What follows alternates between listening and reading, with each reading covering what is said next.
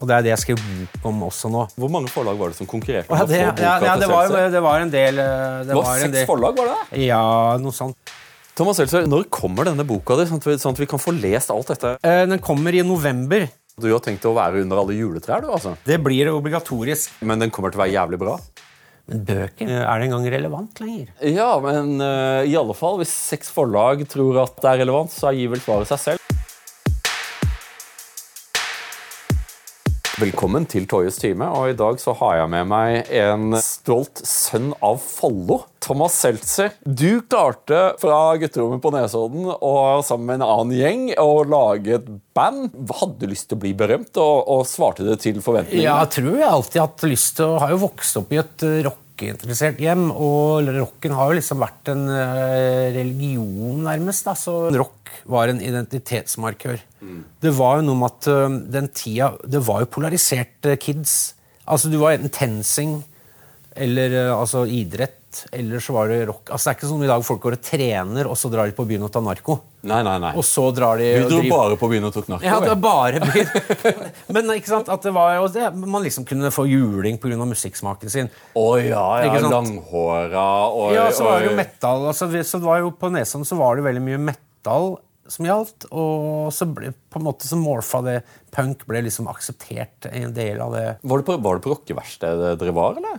Ja, på Skoklefall, det var liksom tidlig utgaven. Der spilte vi noen turboplater, ja. Eh, Um, og det var også litt sånn sosialbolig i andre delen der. Ja, så det kom sånn der, plutselig kom det sånn der uh, kung fu-dude med motor Altså, du vet åssen det er uh, Jeg har jeg har akkurat sett Eirik Jensen-serien på Netflix. ja, ja. Han er jo fra Nesodden. Ja, Det overrasker meg ikke et øyeblikk. egentlig. Nei, så- Han er men- jo veldig Nesodden. Ja, veldig Nesodden. Så jeg bare tenkte på han, han ene som kom og klagde på seg. Faen, dere spiller så jævla høyt! Jeg prøver å konsole Som var sliten. Og så bare faen turte vi ikke mer, for han var sånn voldskriminell, han som bodde der. da. Så vi turte ikke å spille, og så var det helt stille. Og så kom det en time etterpå. Dere trenger ikke å slutte å spille helt, da, gutter. Han var jo en sånn snill type, han ene fyren. Ja, for var, var dere med på de greiene med sånn rock mot rus? Det var en svær greie om at liksom, det var der man spilte konsert. det var rock mot rus. For jeg synes å huske, for jeg, jeg var med et annet band som kom etter at dere hadde vært og øvd. Det var det, For det var et, eh, et sånn Bonnie Tyler coverband. Eh, så, som, som, hadde, som hadde en forgjenger til The Total Eclipse of the Heart. Eh, De spilte ikke på hvitevare, men den var like jævlig. Å ja. Men, det fant var litt lol, det var litt ironi? ja, ja, ja. Oh, ja, okay, så, ok, ok. og vi syns jo at dere var så himla skumle. For oh, ja. dere, var jo nesten voksne og skjeggete og hadde liksom hele rockegreia gående. Så finner vi et dokument der det, liksom, der det sto liksom, der dere har satt opp spilleliste, da, hvor, det var, hvor noen som bare satte inn pil. Tenne på gitaren og slukk, og, slukk, og slukk flammene med øl! Og da tenkte jeg å gud bedre. Dette her, dette, her er, eh, dette her er for viderekommende. altså. Ja, det var hardcore. Det kan, kan rock. Hvordan i verden klarte dere å komme ut av Nesodden og opp på liksom stadionnivå? Nei, men det, altså, det er jo fordi vi- med flinke folk, og det har vært mye flinke folk i det bandet, og sånn, så det er jo bare med litt tilfeldigheter. Og så er det ja, altså, det, med, det som var med Follo, var jo at det, det var jo liksom ikke forstad, og det var ikke landet. Så det er sånn marginalis... Det er sånn marginsone, på en måte. Det som alltid var irriterende, var hvis, for, hvis et band kom fra Årdal eller fra Kristiansand, eller hvor, altså fra Finnsnes, så kunne de gi ut en CD, og den ville selge liksom 3000 X med en gang. For at det da var Ja, vi støtter eh, lokalsamfunnet sånn. Sånn var det ikke på, i Follo. Og du har gitt ut CD, ja. Fuck off! Det var ikke noe sånn der- alle, hadde jo, alle hadde jo gitt ut CD. Alle CD, liksom. og hvem er du, liksom? For, det driter jeg. Vi skal inn til byen på fylla, liksom. Eller vi skal på Seaside og drikke. Vi driter i, vi driter i hvem at dere er herfra. Altså, det var ikke noe ehm, hva, er det det, hva er det man snakker mye om nå med somewheres og anywheres? Ja, det er jo David Goodhart, Uh, The Road Ja. to Somewhere. Ja. Det var ikke noe sånn der, eh, Selv om det, det var ikke akkurat noe kosmopolitansk elite i Follo. Men folk hadde ikke noe sånn Det var ikke noe sånn eh, heia de andre som er fra det lille stedet mitt. Nei, men det driver vi ikke med i Follo. Vi driver ikke Nei. med å bygge hverandre opp. Nei, nei. Eh, men allikevel da, så virker det som at eh, litt motgang ikke har vært eh, til ulempe for, for, for unge Seltzer. For det la merke til at liksom, når du liksom ta steget ut av min ungdomsverden som en av de store, liksom de store gutta, og så plutselig ser jeg deg på NRK, så er det jo faen for en jævla drive du har. Det er ganske sånn unorsk, da. Her kommer en fyr med en viss selvfølelse, og liksom, og det vi driver med her, det står vi innafor. Og ikke fader, det tar jo ikke lang tid før du er i den kjempedebatten med Bendik Wold om, uh, Men de, de, store The Clash of the Titans? Det var Clash of the Titans, ikke sant? For det, du har jo en, sånn en, en, tirade der du sier liksom at eh, Bendik Wold hadde anklaget dere for å spille liksom middelklasserock. Og så sier du liksom at Nei, for å injisere middel... At han det, altså Bendik Wold er en uh, raddistype som drev Flamme forlag. Mm. og altså Jeg har vel bare møtt den én gang. Sikkert ok fyr og alt, men da, de var veldig Han mente at um, at jeg uh, hadde en, drev et maoistisk øvelse. Uh, bare det i seg selv er sånn uh, ja, Det er ikke den som Om å injisere middelklassen med skyldfølelse fordi at de hørte på indie-rock. Men det jeg bare sa, var at det kan ikke det, Når et indieband gir ut en plate, så er det ikke krisemøte i Pentagon.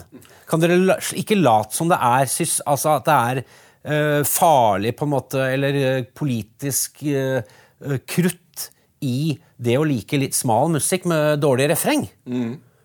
Eller smal litteratur? Ja. Og det er jo en felle som jeg tenker Vi kan jo være uenige om mye, du og jeg, men vi kan være enige at det har kanskje ikke vært det beste kortet for en del venstresidefolk at man skal være sånn kulturfolk. Nei, liksom nei, Det å jobbe i forlag er det, det, er det mest revolusjonære du kan gjøre. Det er jo ikke det. Nei, nei, altså, Men du hadde jo også en sånn så flott og veldig sånn krass der du sier Der du liksom, etter å ha sagt at liksom det å spille atonal indie-musikk i New York på, i 1976, det er én ting, men å gjøre det nå ja. Ikke kom og kall det innovativt eller farlig. Altså, Så avslutter du med noe sånn derre Dere sutter på maktas spene. Ja, fordi at de var vel eid da av Bonnier. Ja, ja. Som jeg tenker, Da er det jo et eh, Da er du, er du ikke litt inne i sånn Wallenberg eller litt sånn Bofors eh, Da er du litt inne i sånn til, Altså, Da er det svenske adel. Da er vi liksom inne i våpenindustrien i Sverige, som betaler for de smale lyrikksamlingene. Ja, ja. Eller altså, du er en del av det komplekset. Men, men, hvordan fader klarte du å komme deg ut av dette uten å gå til grunne? For det, liksom, Nå skal ikke jeg snakke om, om bandet ditt, for det er oh, ikke ja, sånn, det. Men for det, det, det, er jo mange, og la oss være ærlige, innenfor punk også, som går inn i dette. Du var grei nok til å formidle kontakt med Yellow Biafra, som jo er en tidligere sangeren i, i Ja, Fikk du snakka med Ja, fantastisk. Fikk du snakka noe i det hele tatt? Det er det spørsmålet. Nei, nesten ikke i det hele tatt. Han eh, er en skravle... Han er en skravlemann. Yellow Biafra. Han er jo veldig, i likhet med mange punkere, eh, i likhet med deg også, tror jeg, veldig opptatt av hvordan det er å være på bånn av dette samfunnet. Liksom Sympati med det nederste. Bare det ikke berører platesamlinga, for han er en av de største Han bor oppå en, han bor oppe en av de der berømte bakkene i San Francisco. Ganske, jeg har ikke vært der. Knut Skreiner, Kåren Kemen, har vært hjemme hos Jello. På, og, det, og, det, er jo platesamling han driver med først og fremst. da. Ja, for Han beklaget seg over at det var så jævla mye uteliggere som i gata hans at det går faen ikke an. Det går ikke eh, an å sympatisere med uteliggeren lenger. for er, eller, altså, De står i veien for altså, Du ser ikke skogen for bare uteliggere. Ja. Et, sånn har det vel blitt for en del uh, en del eh, progressive folk i California. Ja. Det er åpenbart at han har levd et, et langt liv, for å si det sånn, men han, det er jo noe liv i han. Men det er mange punkere som, liksom, som blir sånne supernovaer, liksom, som går opp, flammer ut og går til grunne. Hvordan i all verden klarte du å finne veien ut av det igjen? For dette er jo Rock er a young man's game, ja, hvis du skal det. gjøre det, det, ordentlig. Men ikke nå lenger, egentlig. Nei, men altså, Det var jo mye rus, og det kommer liksom gradvis egentlig litt med altså det er Alle klisjeene stemmer at uh, tilgjengeligheten øker jo forbruket og, uh, og sånn, men jeg vet da fader, altså jeg tenker um, Jeg er jo uh, Nei, altså det er forskjell på å være jeg tenker, er, Nå skjer det jo ganske mye interessant på rusfeltet. da, Hvordan man skal se på rus. ikke sant? Mm. Og Der henger jo Norge litt etter, og nå skjer det kanskje en ting. Men jeg tenker det å se på det, det, er liksom en av de få tinga jeg brenner for, er å liksom normalisere rusbruk litt. Alt, kanskje ta det litt ut av supernova-greia, men jeg tenker at det er mye selvmedisinering i det. Jeg er jo helt enig med deg. så, så Det er jo pussig at du og jeg skulle lande på samme sted. så Jeg er for legalisering av cannabis. Eh, Dels pga. at vi kan ikke drive på å deale med dette her som at eh, eh, å si at det beste ville være om ingen brukte rusmidler. Helt enig i det. Men la oss si at folk kommer til å bruke rusmidler. Oss Er det nullvisjon vi kaller det? Null, ja, Nullvisjon og at alle Ja. sammen skal eh? Det kommer ikke til å funke. Eh, og da må du se liksom at eh, cannabis er noen ting som har langt færre følgeskader enn det de fleste andre rusmidler har, om du velger alkohol eller heroin eller hva du vil. ikke sant?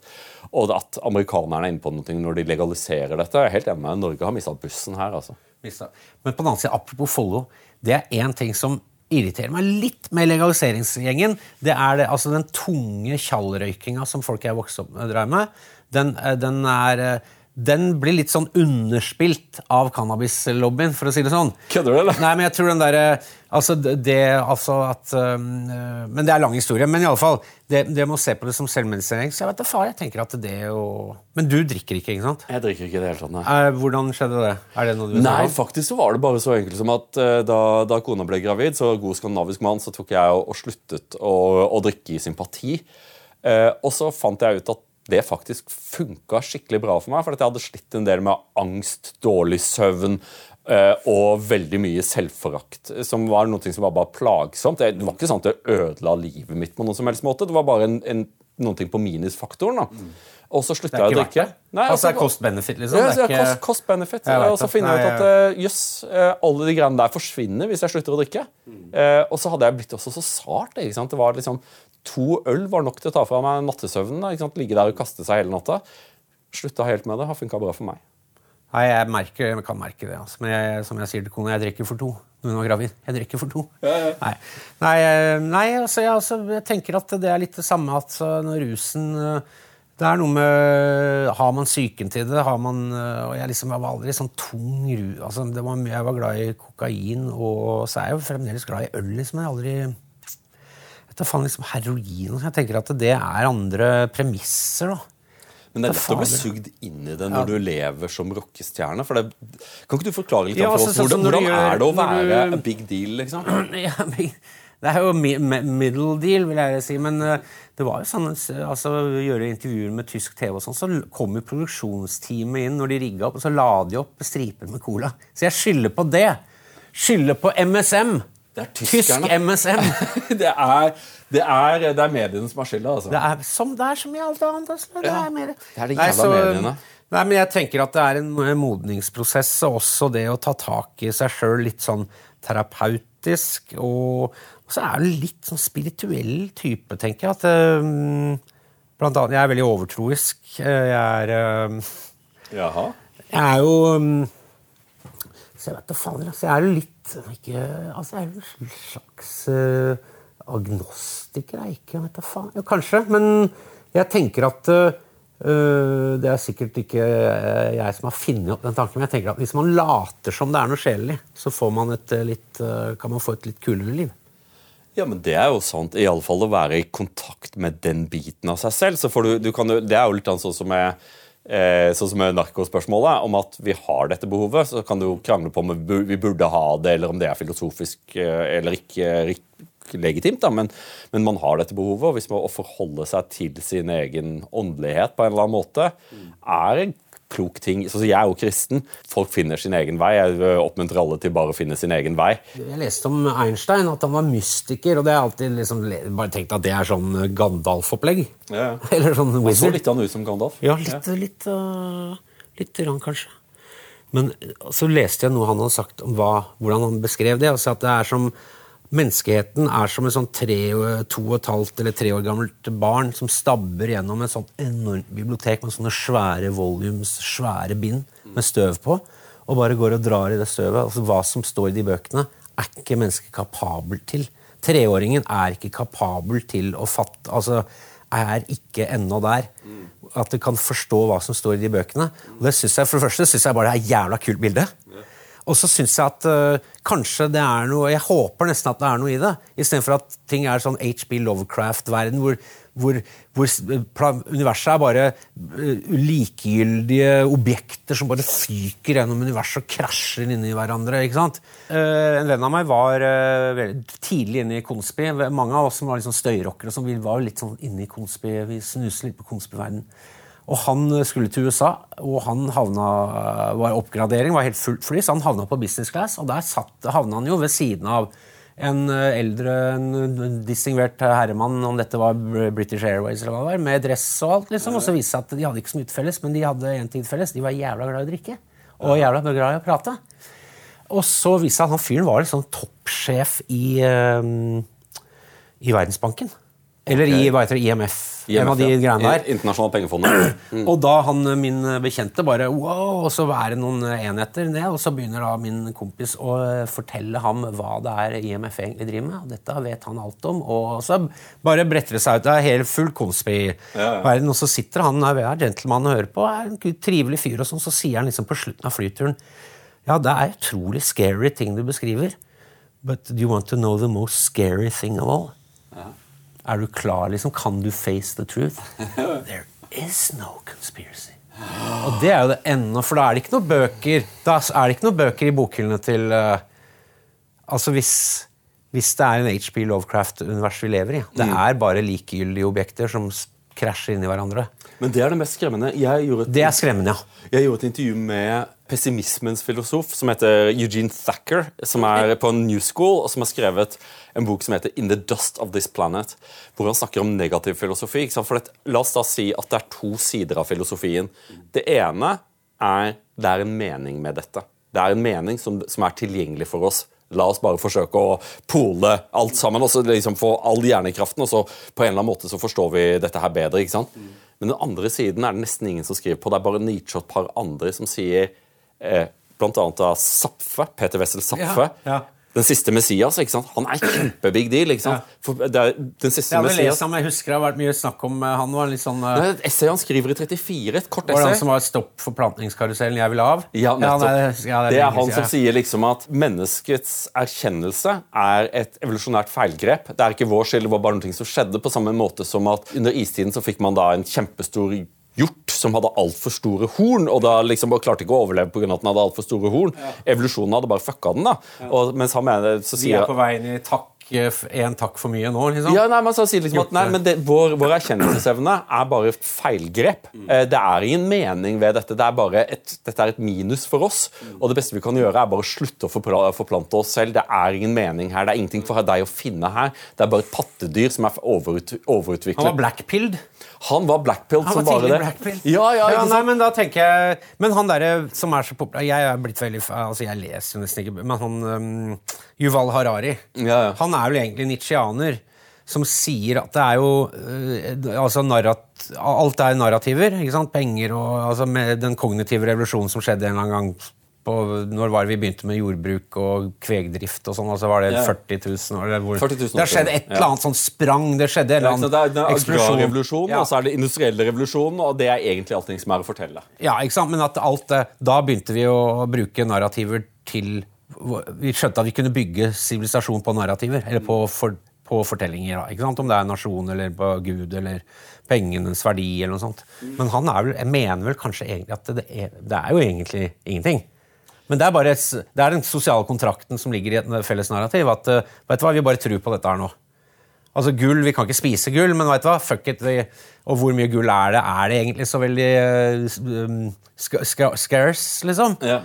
Men det er, det er Eller diamanter. gull, ikke sant? Det er, ikke, Ja, det er noen som sier at diamanter er egentlig ikke et så veldig sjelden juvel, men at det var The Beers, altså det var en brandingkampanje med Diamonds Are Our Best Friend. Altså, man ble enige om en eller annen gang på 30-, 40-, 50-tallet at diamanter er det gjeveste. Selv om det da i antall og sånn er kanskje andre juveler. Men altså, juval, juvaler Så Vi begynte å snakke om rus, men det der med Jeg tenker man er jo mer prone til liksom destruktiv rusbruk hvis man ikke har den visjonen. Og du har jo skrevet jeg synes du har skrevet noen kule ting om eh, nasjonalisme. For eksempel, altså, du har skrevet om George Orwells syn på nasjonalisme. ja, nettopp. Og det syns jeg er veldig fint. The Lion and the Unicorn så er det vakreste som er skrevet om nasjonalisme. Synes jeg, Positiv nasjonalisme. Ja, Og det er et essay han har om, om det. George Orwell skriver da et essay der han, der han starter med å si mens jeg skriver disse ordene, så forsøker høyt utviklede mennesker å drepe meg.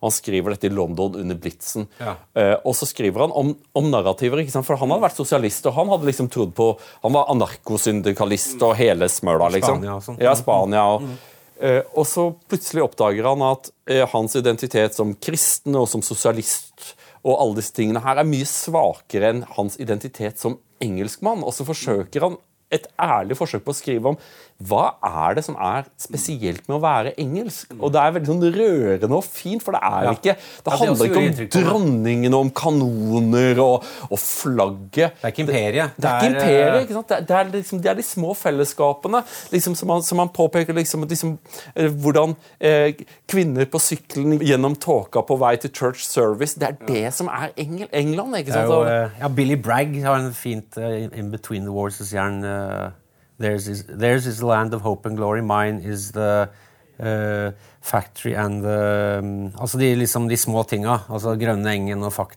og fabrikken, liksom. Men at det er, en, det er et land, det òg. Ja, ikke sant? Og det er jo noe som gir enkeltmennesket mening. Eh, og kanskje det er allting vi kan be om, er å ha en grad av mening i livene våre. Du går jo som en supernova ut fra Nesodden.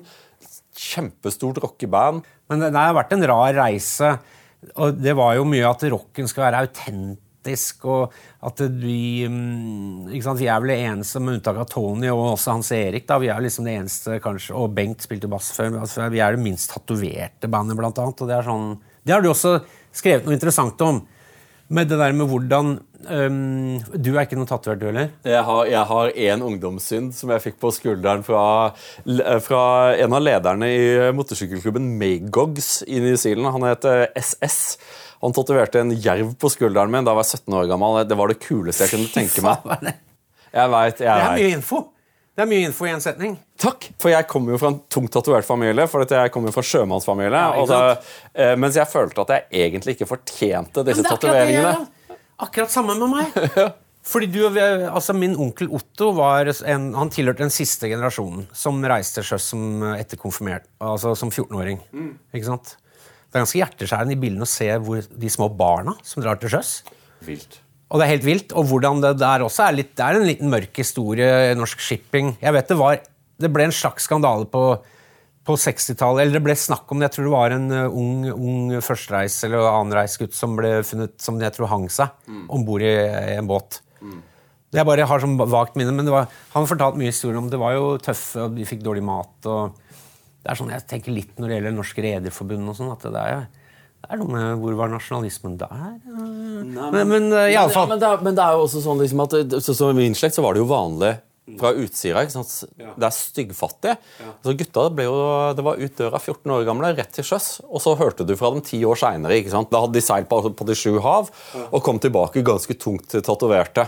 Eh, men det var jo liksom det, var, det var ordentlige tatoveringer. Det var liksom for hjertet Otto med mor på. ikke sant? Ja, Otto hadde de tunge, også. de var jo så dårlige, så selv når han var ganske ung, så begynte jo det grønt, alt bli grønt. Ja, ja, ja. Ikke sant? Så, mm, men Otto var jo en fyr som betydde veldig mye for meg. Han lærte jo meg å spille gitar, blant annet, og han var en øh, Faen, en øh, Og litt det, er Jeg lurer på om jeg snakka litt om det før. altså det der å ikke Jeg har også kviet meg alltid for å liksom tatovere meg Min gode, En av mine bestevenner, Espen Kjernstein på Nesodden, han tatoverte hendene sine med, med kulepenn med nål.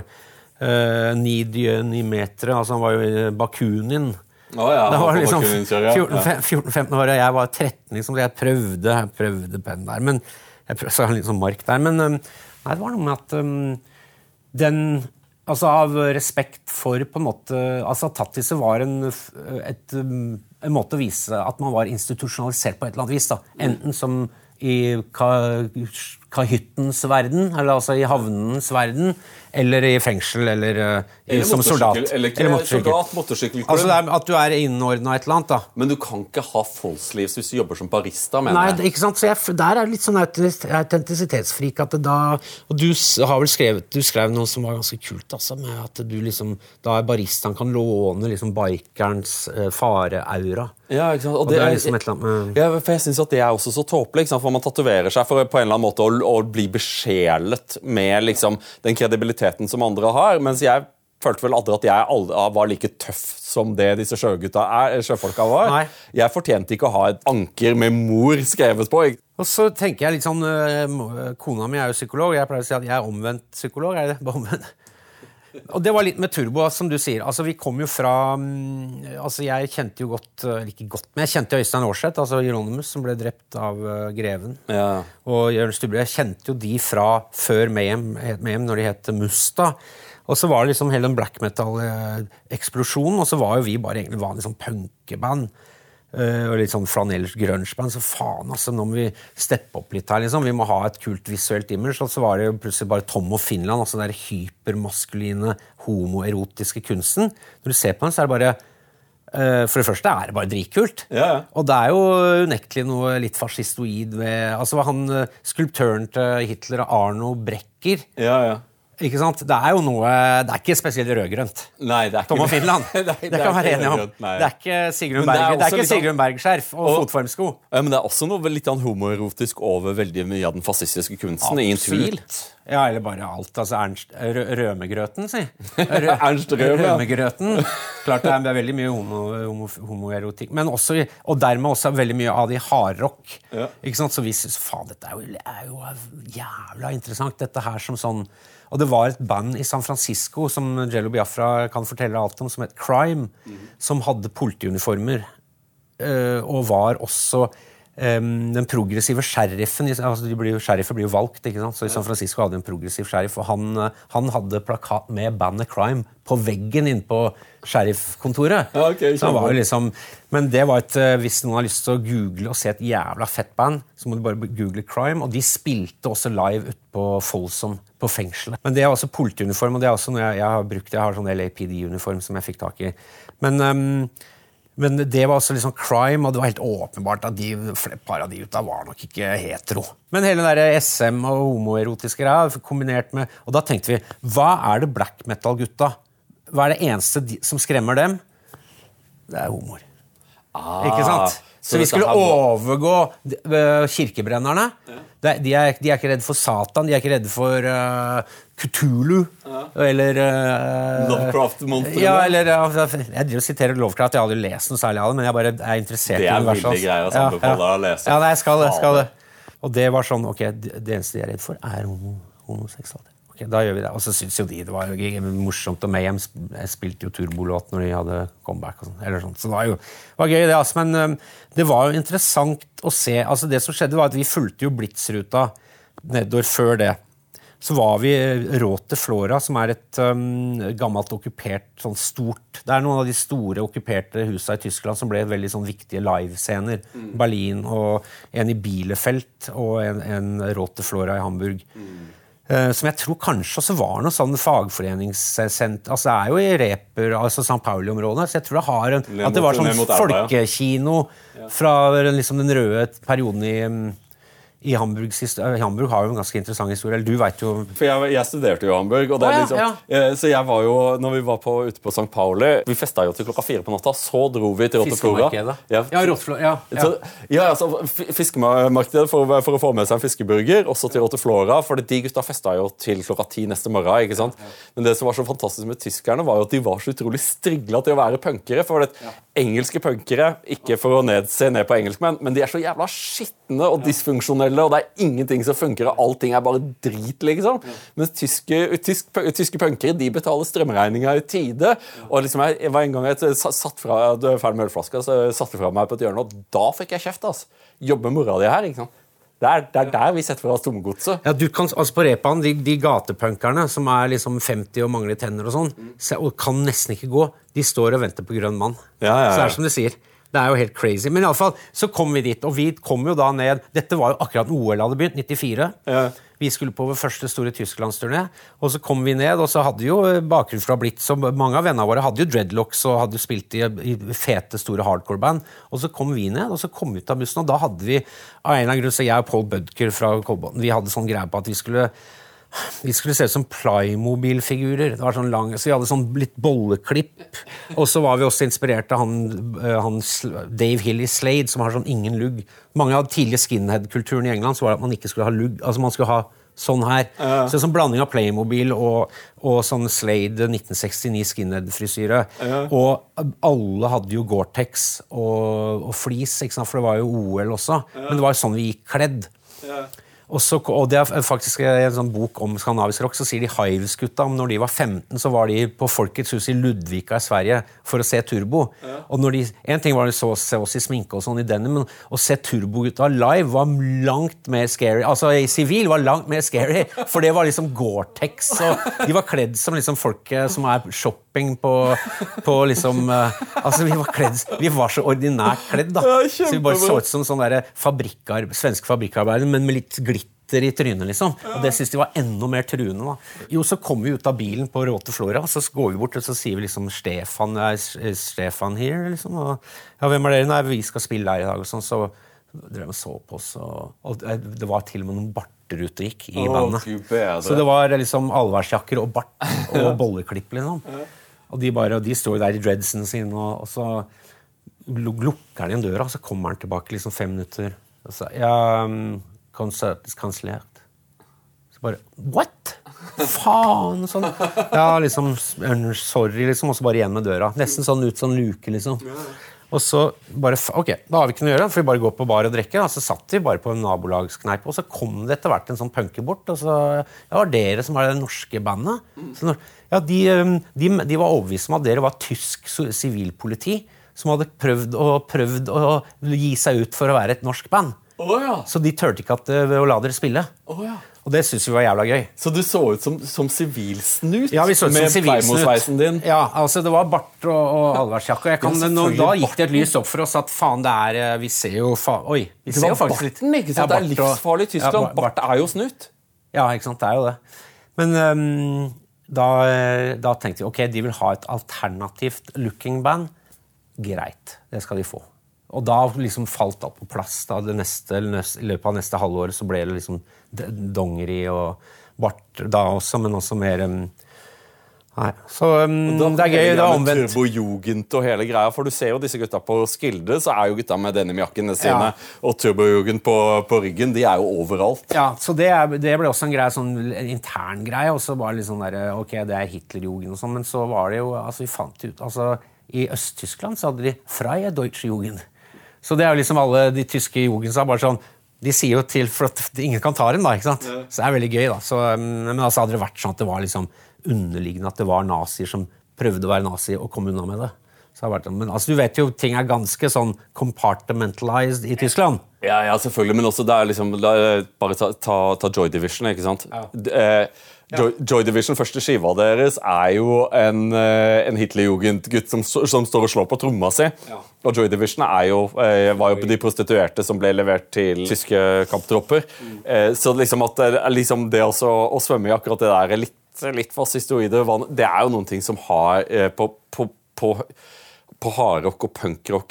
Kan ikke du forklare for meg hvorfor er det sånn, og nå er det mulig at jeg tar feil, men jeg har inntrykk av at, at din stilsjanger er litt mer høyrevridd enn alt annet. Liksom, for du støter jo på ordentlig konservative folk. Ja, veldig mye. En del uh, amerikanere Det er litt delt men altså Orange County, der hvor, broren min, hvor jeg hadde et hus før, broren min bor der nå altså det, det, det veldig republikanske i utgangspunktet strøket mellom eh, Los Angeles og San Diego, mm.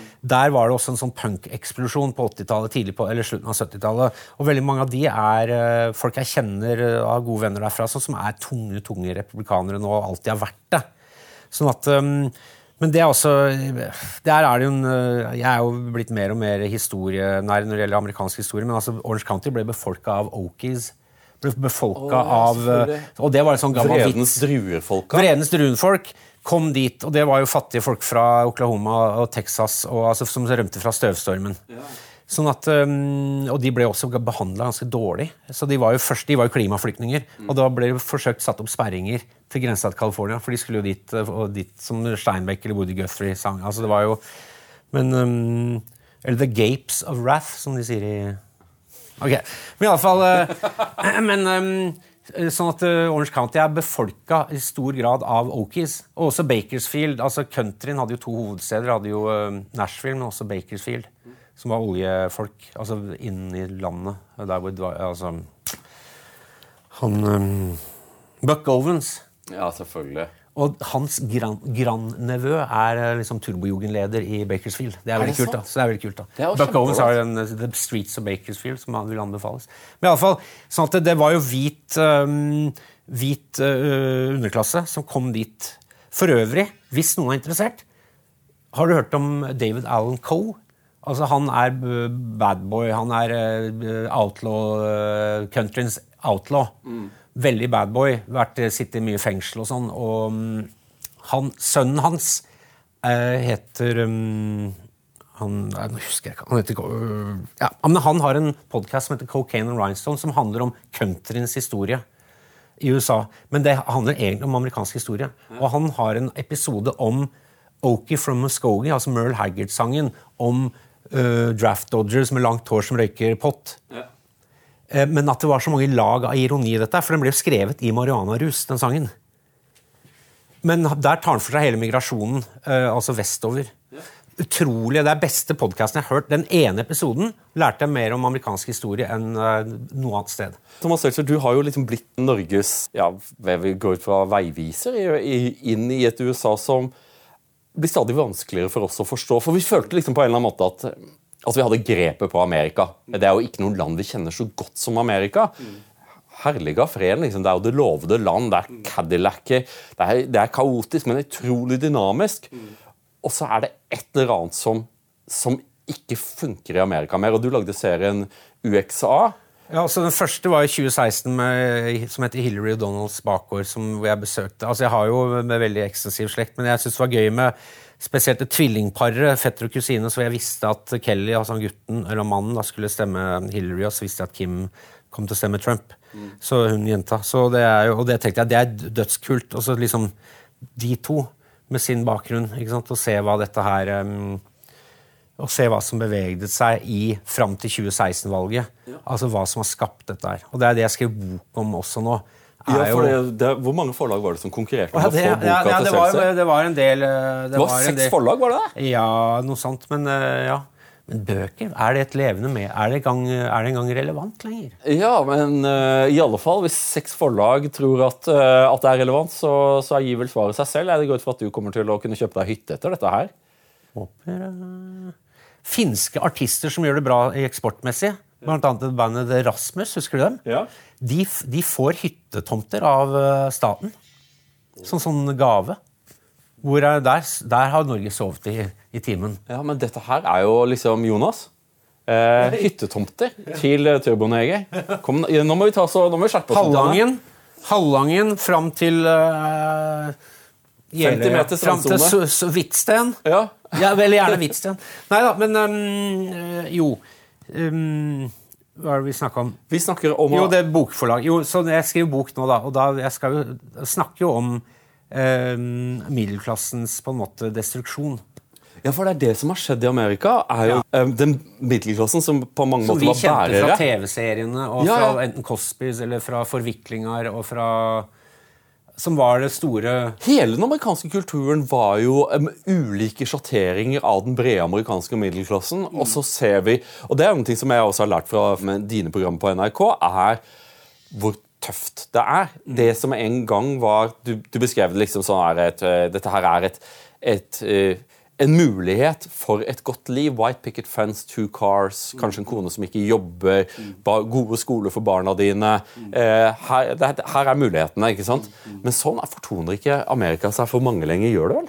Nei, altså det er jo de store tendensene som har truffet øh, altså Som du har jo skrevet godt om det i Europa, møtet ditt med, øh, altså med Glasgow eller altså, altså De stedene har kanskje alltid vært Det har, aldri vært noe white picket fence i den øh, forstaden i Glasgow, men altså det du ser kanskje i Nord-Frankrike Altså de velgerne som Le Pen og han derre venstreduden kjemper om Ja. i det beltet mellom Mel- Paris Mélenchon, ja. ja, ikke sant? Det, på en måte, det, er jo, det var jo det som var interessant med 2016-valget. det var jo ikke det masse, altså Den jevne Trump-velger var den vanlige republikaneren.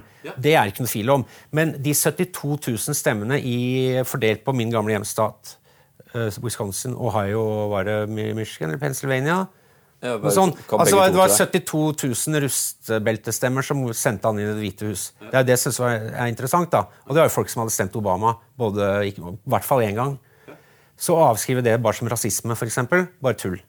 Det er jo noen blindsoner når man ser på Amerika. Og Jeg skriver ganske mye om antiamerikanisme også i den boka mi. Det er jævla interessant, for den har så mange sjatteringer, og det er egentlig sivilisasjons... Det er modernitetskritikk, og det er så Altså, Du hadde sikkert kunne greid å skrive mye mer, altså du som liksom med din idehistoriske bakgrunn, men det er bare noe med at det, det, er, så, det er så spesiell å liksom dis, eh, det, Obdusere på en måte eh, anti-Amerika er jo jævla Der er det mye å hente.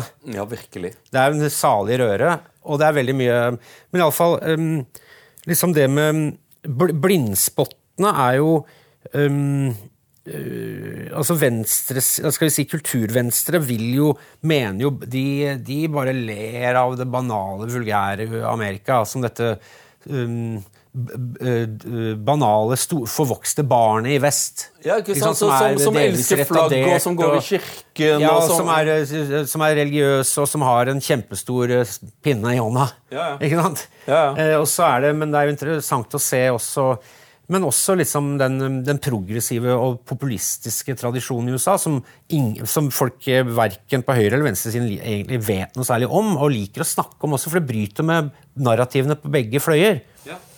Ja. Uh, og det er jo den populismen som kom ut fra, fra Kansas på, under The Gilded Age. Da når det forrige gang det var de store forskjellene i USA. Yeah. På 90-tallet. The Wizard of Oz, filmen, er ja. jo en feiring av nettopp dette. Dette er jo, Frank, det er jo som sånn kinderegg. El Frank, andre... jeg skriver om Wizard of Oz, du. Ja, du gjør det. Jeg skriver om det. Kult. Fordi den, ja, men den er kinderegg. Det er jo få eh, filmer og eller eventyr på en måte, som har blitt som, så overanalysert. Men vi vet at han, L. Frank Baum var tilhenger av han Jen, hva han het, altså Populistene hadde en presidentkandidat som gjorde det ganske bra. Mm. Um, men iallfall, vi vet, men det er masse forskjellig Men det er veldig, altså of er jo på en måte en, en av grunn... Jeg kommer tilbake til den flere ganger i, i den boka mi. da og det det handler om, er um, disse jeg er blitt, uh, Det er kanskje en billig metafor, men det er kaosteoriens uh, grunnmetafor med lille flagget Nei, lille flaggermus. Lille sommerfuglen som blafrer med vingene, og så blir det en tornado et annet sted. Ja. Jeg ser jo det som har skjedd. Altså når Trump I innsettelsestalen sin så han, var det en del av talen som jeg synes var veldig bra, hvor han snakka om American Carnage. American Carnage og den tenker jeg, den var ikke skrevet av Steven Miller, den var nok skrevet av Steve Bannon.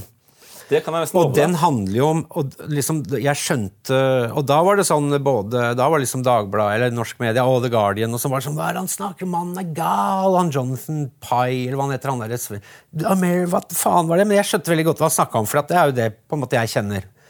Han snakka om uh, av fabrikkene. Han snakker jo om resultatet av frihandel. Han snakker om globalisering. Han snakker om um, uh, altså de tinga Eh, som det er nå er en bevegelse på høyresida mot igjen. Ikke sant? Man så at NAFTA alle, var, alle de var jo enige at, eller Oligarkene var jo enige om at eh, det er det jo ennå, men er jo enige om at frihandel er en bra greie. og så viser at det, det er jo som Ron Paul sa. Nei, eller var det eh, Ross Perot som sa at NAFTA, det, idet den ble signert altså ble jo, Grunnlaget ble jo laget av Reagan, og så Bush senior, og så var det jo kåtskalken Bill som signerte den. Bill Clinton. Clinton. Altså, Han sa at det pennestrøket da hørte lyden av liksom, et sånn sugende lyd, og det var lyden av arbeidsplasser som ble borte fra USA. Ja. Liksom fra, og det var jo sant i noen Det var sant. Slik jeg kjenner deg, så er din kjærlighet til eh, den amerikanske arbeiderklassen er nesten uten, eh, uten, grenser. Du har en enormt hjerte for, for den jevne mann i Amerika, samtidig som at din forakt for det republikanske partiet er nesten uh, mangler bånd, den også. Ja, er... Hvordan i all verden kan du liksom elske folkene, men ikke de folka de, de stemmer på? For det er, liksom, det er jo det Republikanerne under Trump har jo fått et grep på den mm, amerikanske ja, arbeiderklassen. Nei, altså jeg, men altså jeg skiller mellom norske republikanere og amerikanske, altså amerikanske arbeiderklassen som stemmer republikansk. De lever med valgene de gjør. Mm. Og det er en annen respekt for, og det skjønner jeg. altså Den despairen som er der. Eh, det er vel heller Jeg oppdaget det er kanskje, kanskje ikke så men jeg oppdaget at det er konservativisme begynner jeg å få mer og mer etter altså Jeg har jo Jeg er jo altså Jeg pleier å si at jeg har litt sånn venstreside hjerne, mm. og så er litt sånn høyreside hjerte. Altså jeg kan bare sånn, Faen, kan ikke folk bare få seg en jobb? Sånn har jeg alltid vært. Men, men så også tenker jeg at nei, men fri vilje, for eksempel. Lese Ayn Rand skrive om det. altså Jeg bare kaster Faen, for noe piss, liksom. altså det er jeg ser liksom fjerde, femte generasjonen adelsmannssønn som snakker om Kan ikke bare Altså, det er Marie Antoinette, liksom. Ja, det er bare, altså, jeg har, Rand har jeg aldri hatt noe Nei, men, ikke sant, Hun er ekstrem, men jeg hun har hatt veldig, jeg skriver litt om henne òg.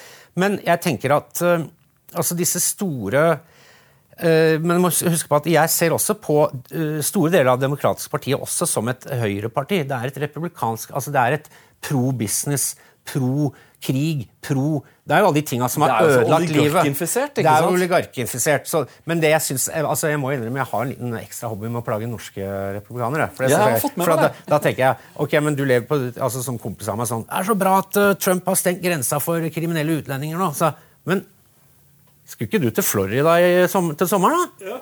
Hva mener du? Eh, det rullebladet ditt? Ikke sant? Ikke sant? Ja. Så jeg også liksom det, det er jo nok av uh, trygdede trumpere. Jeg lever av dem, da. For jeg tenker. Men altså, jeg bare se hvor altså, um, Der tenker jeg at det er det, det, det eh, Min optics på amerikansk republikk Hvordan det har forandra seg fra liksom frihandel, pro krig, til nå altså Når Tucker Carlson sitter og snakker om the war on terror og som noe negativt, det er bare Ok, du har vært high cheerleader for fuckings det største pengesluket i amerikansk historie nå i, uh, siden 2001. Og, nå, og nå er det negativt. Altså, det er litt sånn, Jeg føler det er litt sånn altså, eh, er, Folk trodde at Obama var en fred... Altså folk liksom, Venstresiden folk trodde at Obama var en fredsstudie. Det vet vi at han ikke var. Men så liksom, jeg bare den der krigsmotstanden som plutselig dukka opp nå med altså, eh, Republikanere som elsker krig, så lenge det ikke er uh, hespetreet og negeren som driver krig. ja, ikke sant? Da er de imot krig. Og dronekrigen altså Dronekrig er mye bedre. Bro, altså Fetteren min bor ved siden av basen Nellis Air Force Base i Las Vegas, hvor dronene blir styrt. Ja. Og han sier, går på bar der, liksom, så kommer det folk inn og så går bort til der, og de sitter jo i eh, pilotuniformer, de dronene. Gjør de det? Ja, og så kjører de hjem etter åtte timer. Sitter og dreper folk, da, med joystick. Men det kommer jo bare folk bort til dem. Liksom, men altså, boots on the ground. Hvem sine boots da? Din sønn sine boots? Eller, eller droner? Så det er noe med ja, Uansett. Men, i alle fall, hva- hva- jeg føler at det er en, jeg føler at det som skjer nå med, med, med Det republikanske partiet, er jævla mørkt, og at det er en, mot, det er en antidemokratisk eh, bevegelse. Og jeg føler at, den er, eh, at det er noe neo-confederate med det. Og jeg føler at det er mye eh, hvit Altså det er identitetspolitikk, og det er en det er en um, avvikling av demokratiet som jeg frykter nå til mellomvalget. Og jeg frykter altså jeg, Demokratene er jævla gode til å tape valg på egen hånd. De trenger ikke russisk innflytelse der. Nei, nei, nei. Eller de trenger ikke uh, Koch-brødrenes, liksom. Men altså når Pet, Peter Thiel stå, står på sånne konferanser og sier Og som er da selv innvandrer Ja. Han har tatt med seg litt mye fra det faterland, sånn ideologisk. Når han står der med PayPal-penger Han seiler jo opp nå som den store do, do, donoren, er det? Ja, donoren, donoren, ja. til, til, um, republikanske til republikanske partiet og sier at uh, altså, demokratiet er bare ikke kompatibelt med mitt uh, frihetsbilde. Oi, der har du, da har du liksom tatt eh, steget over Ja, altså det, det eh, er åpent nå. Det er nå åpent. Demokratiet er nå det er open uh, fair game på det, og det syns jeg er jævla scary. For da er det liksom Da er det jo ikke noe som holder igjen noe, liksom. Så da er det sånn Men, så, men altså, det, det jeg tenker er altså, å, late som demokratene siden 1990 altså Husk på at eh, amerikansk LO gikk jo all in for Bill Clinton ved valget når han kom inn i var det 92 Ja. Og øh, kommer inn som progressiv. og Det er samme Obama. liksom. Du, der Che Guevara møter Og det er jo en ting norsk mainstream media har til felles med amerikansk høyrepresse. At man ser jo på, man ser jo på Hillary og Bill Clinton, øh, Biden, Obama sånn. De blir fremstilt som blanding av liksom Einar Gerhardsen og Che Guevara. Ja, ja, nettopp. Men det er det ikke. Det er helt ordinære høyrefolk. Biden har jo fått karrieren sin sponsa av kredittkortselskapene som bruker Delaware, som han jo representerer. Som, som eh, Der er det noe Det er et lite Liberia. Sånn, ikke sant? Så det er ikke Che Guevara, dette her.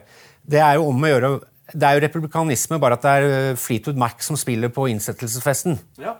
Og, de, og du inhalerer pott. ja.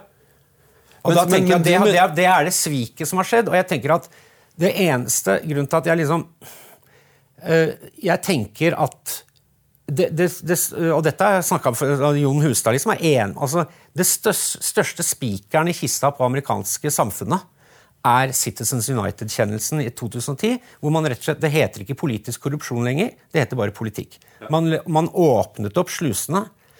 For sponsoring Og sånn- av politikken, ja. Ja, altså, og til, også at du ikke trenger å si hvor penga kommer fra lenger. Ja. Og Det betyr at det, plutselig kan det være en kandidat, og det jeg trenger ikke å si fra hvilket parti engang, Plutselig kan det være en kandidat som har jævlig mye penger. Hvor kom de fra? Og da kan, det være liksom, da kan vi begynne å snakke Nord-Korea og Kina. og Da begynner, da begynner vi å snakke om sikkerhetspolitikk. Ja, men takk og lov, liksom, for det, det, er, det, er, så hyggelig å kunne snakke med noen i Norge som forstår den biten av det. At eh, liksom det, Hvis du tror at det ene partiet er snilt og det andre partiet er slemt, mm. eh, da kommer du ingen sted i Amerika. Du bør take your pick. Det enkelte vil ha republikaner, andre demokrat. Problemet er jo hvordan systemet fungerer, der oligarkene får altfor mye innflytelse. For det er jo sånn at hvis Thomas Seltzer skal gå mot Asle Toje i eh, i et delstatsvalg. Mm. Eh, hvem har mest penger? Eh, det er sannsynligvis det som kommer til å avgjøre det. Ja, det går har... om Den som har mest penger, vinner. og det, det ser vi mer og mer nå. Og det er, og det er jo altså det er oligarki altså det, Hvis du ser på altså Noen donasjoner må uh, bokføres eller uh, offentliggjøres. og Hvis du ser på hva de store konsernene altså De legger egg i begge reir. Ja, de donerer jo til begge. Altså, så det er jo et spill med det. Men det jeg tenker er det er liksom en ting som holder um, hjertet mitt til demokratene, det er altså De var imot Citizens United, og det tenker jeg at de var såpass det var, det var eneste decent de kunne gjøre, liksom. Og det er det som irriterer meg med republikanerne. At de, de kjører fram oligarkiet jeg vet da faen, men altså, Nå ser jeg liksom Biden. nå skal Han jo, han skal ikke, altså det skulle Pris på medisiner skulle senkes. Ja. Men så viser det seg nei, du, det må vi vente med. Og det er bare sånn, Du er så, faen, er så flink til å tape valg. Altså, Jeg, jeg, jeg, jeg har venstresidefolk som sier at det at demokratene taper hele tida, det er med vilje. det. Hvorfor det? Fordi at de vil bare ha et liv um, som i lobbyistens Altså i donorenes klamme skjød, liksom. Altså det er en feel good-greie, og det er en og da vi får gjort mye opposisjon osv. Jeg tror at vi er enige om hva som skjedde. Mm. Stormingen av Kongressen. Mm. Det, var en, det, var en, linje i sanden. Mm. og det, det, går ikke an å støtte Det går ikke an å støtte en kandidat som ikke aksepterer valgnederlag. Det, det tror jeg. Og hvis du skal hevde juks, så må du fanken meg kunne bevise det. Hvis du ikke kan bevise det, så har du gjort deg dobbelt skyldig. Ja. Så ut med Trump, men Trump er ikke ute. Så når jeg så han i nominasjonskampen, f.eks. Altså jeg digga det når han sa, han sa til Marco Rubio, Jeb Bush og sa 'Jeg har gitt penger til deg, jeg har gitt penger til deg'. Penger. Altså Trump kom jo inn som et sannhetsserum. Ja, ja. Som en eh, hva heter det, sånn kjemisk, en kjemisk altså Som bare liksom gjør at alt blir altså en katalysator som gjør at hele den der, det reagensrøret, alt som er oppi der, blir klart. på en måte. Til en viss grad, da. Men, altså, men, men, det er også en annen ting når, når, folk som du og jeg snakker om liksom eliten og sånn, Man tenker at det, eliten er én unified Det er sånn som henger igjen litt fra sånn barnes... Man tror at det, det er Dr. Evil og vennene hans sitter i et slott sammen. Men eliten i USA er ganske spredd. Men altså du har Tom Steyer, altså du har liksom veldig velstående demokrater og sånn. Men det å late som at um, Sånn som en del høyrefolk gjør nå, med liksom Big Tech, det er liksom venstre, uh, cancel culture Det er de som styrer USA nå. Det er veldig langt fra sannheten. Altså, det er masse oligarkiinteresse bak Trump. Det er det. Og det er jo det som er skummelt nå, for eksempel, hvor, du, hvor du ser kulturkrig i effekt. Hvordan det funker i effekt. Ehm, så er det altså, mens det er skriking eh, og velbegrunnet sådan om abortlovgivningen, så eh, er det nå en prosess i gang med å få lagt ned SEC, altså Securities and Exchanges Commission. Det man kaller Finanstilsynet. Det skal nå legges ned. Det skal den ta til Høyesterett, og så skal de legge det ned. Og det er ikke Che Guevara og Robin Hood og Einar Gerhardsen som står bak det. Nei, ikke sant. Og det er jo det jeg syns er det mest irriterende det er det som liksom provoserer meg mest med republikanerne. At de um, altså, å tro at altså, Vietnamkrigen var demokratene. Altså, det, man må bare kunne ha litt gangsyn her. Men det jeg tenker nå er de store, stygge tendensene, store, stygge sommerfuglblafrende med vingene nå, det er Citizens United, som fjerner på en måte demokrati, eller gjør, legaliserer politisk korrupsjon, og sånne ting som det der, som man tenker tusen små papercuts, og så blør de her. Dette er ikke en papercut, dette er en fuckings machete. Når du fjerner SS altså, Jeg har på min eldre dag begynt å lese litt noe om Chomsky. Ja, han har et godt syn på Han sier at farlig. Han sier ja, men han er relevant. Han hylla jo Trump nå for ikke så lenge siden. Om, ja, ja, forbindelse med, ja, men det er, er, det, er, det, et godt tegn? Det er et godt tegn. Nei, men han sier at uh, altså, amerikanske oligarkiet har to prosjekter det er å holde han, han, sier at krigsindustrien er en trickle up. Mm. Um, og dette med altså, reguleringene som FDR satte inn etter børskrakket, som altså Glass-Steagall, altså brann- brannvegger mellom sparebankene og, og spekulere på børs, f.eks. Det var sånn Nei, dere skal ikke drive og spekulere. Dere skal passe på det dere forvalter, er den amerikanske drømmen gjort om til øh, øh, kumulert familiekapital gjennom generasjoner. Det skal dere passe på. Og så forvitrer de selvsagt med 80-tallet, og så kommer da faktisk øh, kåte Bill og fjerner hele greia i 1999. Og så går det sju år, og så kommer finanskrisen. Men det, altså det uh, Chomsky sier også, en eller annen jeg leste, også, sier at det er finanskriser nå, med krisepakker, det er normen, det. Og Vi så det også under covid. Enorm pakke. Nå var ikke det pla the pandemic, da, med andre ord. Men altså, det er oligarkiets prosjekt. Det er sosialisme øh, ovenfra og ned. Det er at vi øh, Jeg, jeg snakket med Thomas Frank om det. Han har skrevet veldig godt om populisme. Ja, ja. Uh, han sier at det er uh, hvor uh, profitten da er, vi, da er vi Ayn Rand-folk. ja, ja. Men når det er risiko og tap, Ja. da er det sosialisme. For det skal deles. Gevinst privatiseres privatiseres og tap kollektiviseres. Det Ja. er jo det er en gammel historie, men den er alltid ny. Det er, det er ingen, det er ingen tvil om det. det, liksom, det er hovedprosjektet. Og da tenker jeg at f.eks. for eksempel å fjerne, altså fjerne Finanstilsynet, sånn at det ikke er noe som heter innsidehandel lenger. Det heter bare handel. Det er ikke noe som heter hvitkrim, eh, hvitsnippkriminalitet lenger. Det heter bare hvit, hvitsnipp. Det er eh, den, det som er igjen av middelklasse og den hardtarbeidende the working poor i USA. De kommer ikke til å tjene på det. Thomas Seltzer, så som Når kommer denne boka di, sånn sånn at vi kan få lest alt dette, alle disse tankene mellom to permer? Eh, Den kommer i november. Du har tenkt å være under alle juletrær, du, altså? Ja, det, eh, det blir obligatorisk. Men, men Det blir den, den Lars Myting, den vedstablingsboka hans. Ah, ja, Dette ja. blir den nye. Vet Hel mange, jeg vet, hel ved. Jeg vet ikke hvor mange Kagge solgte av den, ja, men øh, det er jo en av de største suksessene noensinne. Akkurat, Men hva skal boka hete? Har du en tittel på den allerede? Jeg kan ikke divulge det. Er det, men den kommer til å være jævlig bra? Et to Donald. Et Nei, skal ikke det. Et to Joe Biden. Ok, men da skal jeg, jeg skal gi deg et enklere spørsmål. I arbeidet med liksom å lage dokumentarer om Amerika og være halvt amerikansk og skrive bok, er det én bok som du vil anbefale seerne og lytterne til å skaffe seg, som de aldri har hørt om før, men som du har hatt nytte av? Ja, altså den, En bok som har betydd veldig mye for meg fra noen, gjennom snart 30 år, var en bok som langt på vei forutså Trump. Og Det er av den kontroversielle journalisten og forfatteren eh, Jim Goad. Og Det er en bok som heter The Redneck Manifesto.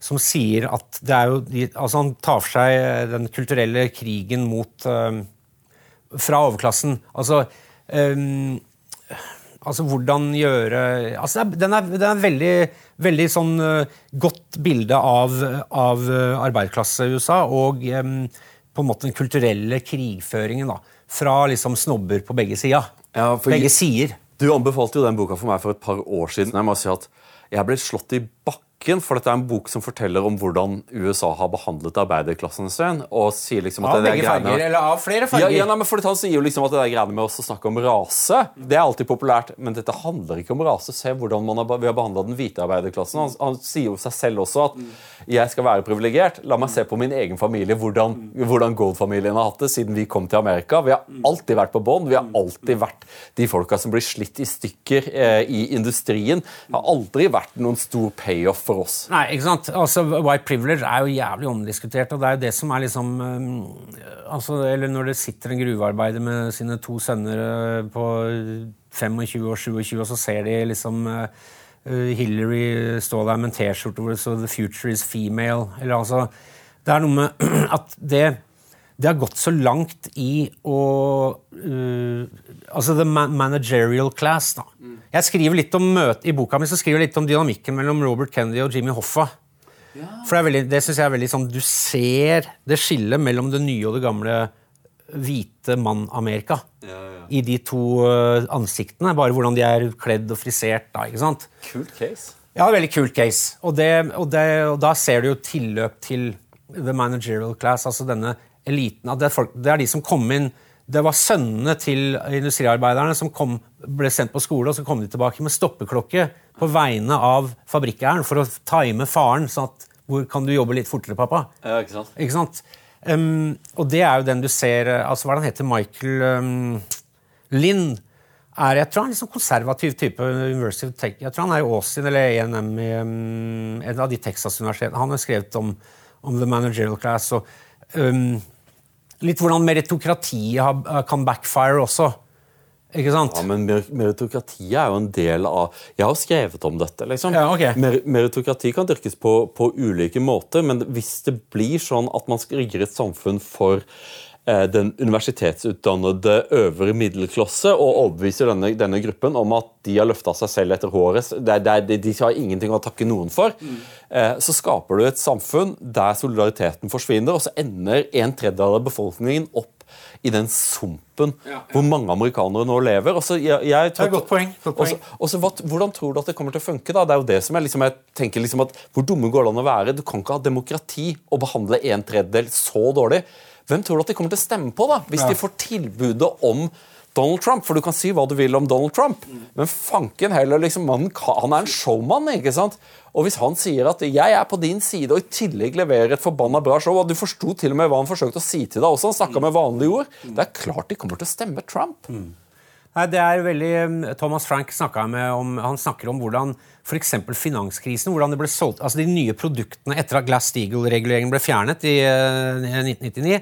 Hvordan da liksom eh, Wall Street og bankene bare ok, nå lager vi, altså De, de lagde et pyramidespill. Mm. Kasino er ikke dekkende engang. altså er, De lagde rett og slett et pyramidespill. Ja, men det er jo, som sier, The Big Short er jo den man skal se ja, for å the, få The Big Short, ikke ja. sant? Og, og, dette med derivatives. altså De lagde Men det Frank sier, at det er bare i språket de brukte at de, de, de har lagd noen sofistikerte eller låneordninger. De har lagd noen sofistikerte spareordninger. Bare det at det var sofistikert Ok, her er det liksom noe, noe Ivy League, eller i hvert fall noen med høy universitetsutdannelse som har laga noe sofistikert. Men det er jo ran. Ikke sant? Så hvordan, bare hvordan språket Um, skal jeg fortelle en historie om det? Eller? da jeg studerte i England, så var det én gutt som hadde en IQ som var bare Gutten han hadde 178 IQ og drev med, drev med abstrakt matte. Skotte. Ja. Ikke sant? Eh, og han var liksom eh, egentlig bare mest interessert i rave og dop og abstrakt matte. Han er blackpilled nå. Han har ennå ikke fått pult. Nei, nei, nei, han er steinrik. for Vanligvis så ville jo han vært universitetsprofessor.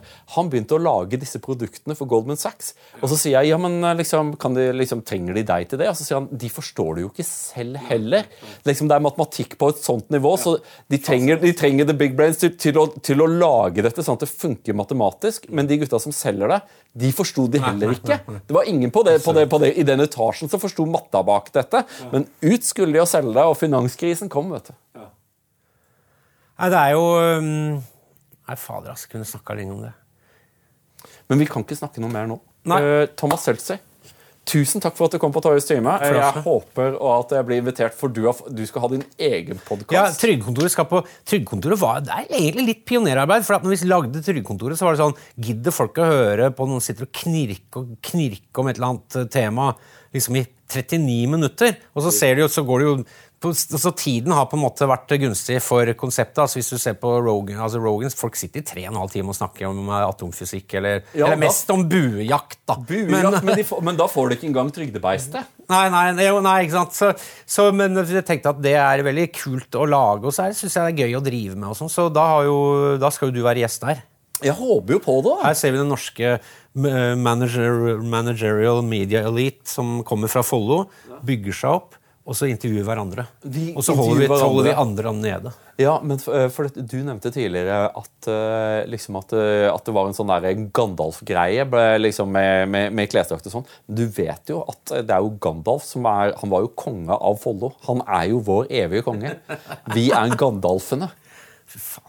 Ja, det er apropos Nei, bare det, hvor, hvor mytisk det der med Eh, Eh, altså alltid tragedien i black metal-miljøet i 1993. Ja. Altså En ting var kirkebrannen, så var det jo drapene også. Men liksom når, når, du har reist rundt og turnert, så er folk i utlandet bare sånn faen, de, de, tror liksom, Folk i Mexico og sånn, altså, de tror liksom at black metal-kidsa i El Salvador og Mexico sånn, de tror liksom at 70 80 av norske befolkninga bor i sånn black metal-huler og sånn. Men i hvert fall, men altså veldig sånn, litt sånn der, oppegående rocke, mer sånn rockenerder da, altså, som sier liksom ja, De tror liksom at det som skjedde i 93, og sånn, at det var liksom Ringenes herre, da, eller Lord of the Rings. Men så har jeg kommet med et veldig godt, men altså litt trist sånn, så, Nei, det var Lord of the Flies. For det var jo en guttegjeng som hausa hverandre. ikke sant? Ja, ja, selvfølgelig, men det, men Så, det, som havna i blodfeber. Sånn som på slutten av uh, 'Fluenes herre', når de skal kill the piggy, kill the Ja, piggy ja. på stranda. Altså Det er noe med at gutt, unge gutter har en liten bryter de kan uh, skru på, og så kan det bli, fort bli brutalt og kjipt. Vi var der, vi vet at alle vokste, alle vokste jo opp i Blokk Vatne-hus, og, og, og trygge, gode hjem, og 17. mai, og Diggiloo Diggiley gikk på TV-en. Og ut av dette så kommer det en sånn eksplosjon av ganske tøffe rockere. Eh, og du kan jo ikke, du kan jo ikke blame de stakkars meksikanerne for å tro at Follo er et sånn Dungeons and Dragons-sted der man kunne Nei. bli drept av en fyr med øks på vei til skolen. Mens eh, vi vet jo hvor utrolig konformt og koselig det var også. Tenk det. Ja, men Det er veldig hyggelig, Asle. Det har du hatt mange episoder her? Jeg har gjort uh, rundt ti stykker, men du er jo den som kommer til å få mest ned- nedlastninger, for folk får jo bare ikke nok av Thomas Seltzer. Men jeg, trenger, jeg må gå ned noen kilo, og så må jeg få fleksa meg opp litt. Så, den der småbarnstilværelsen Fy faen, det går så mye. Eh, Spise rester. Ja. Det må man slutte med. Men greier det? Nei. Godteri?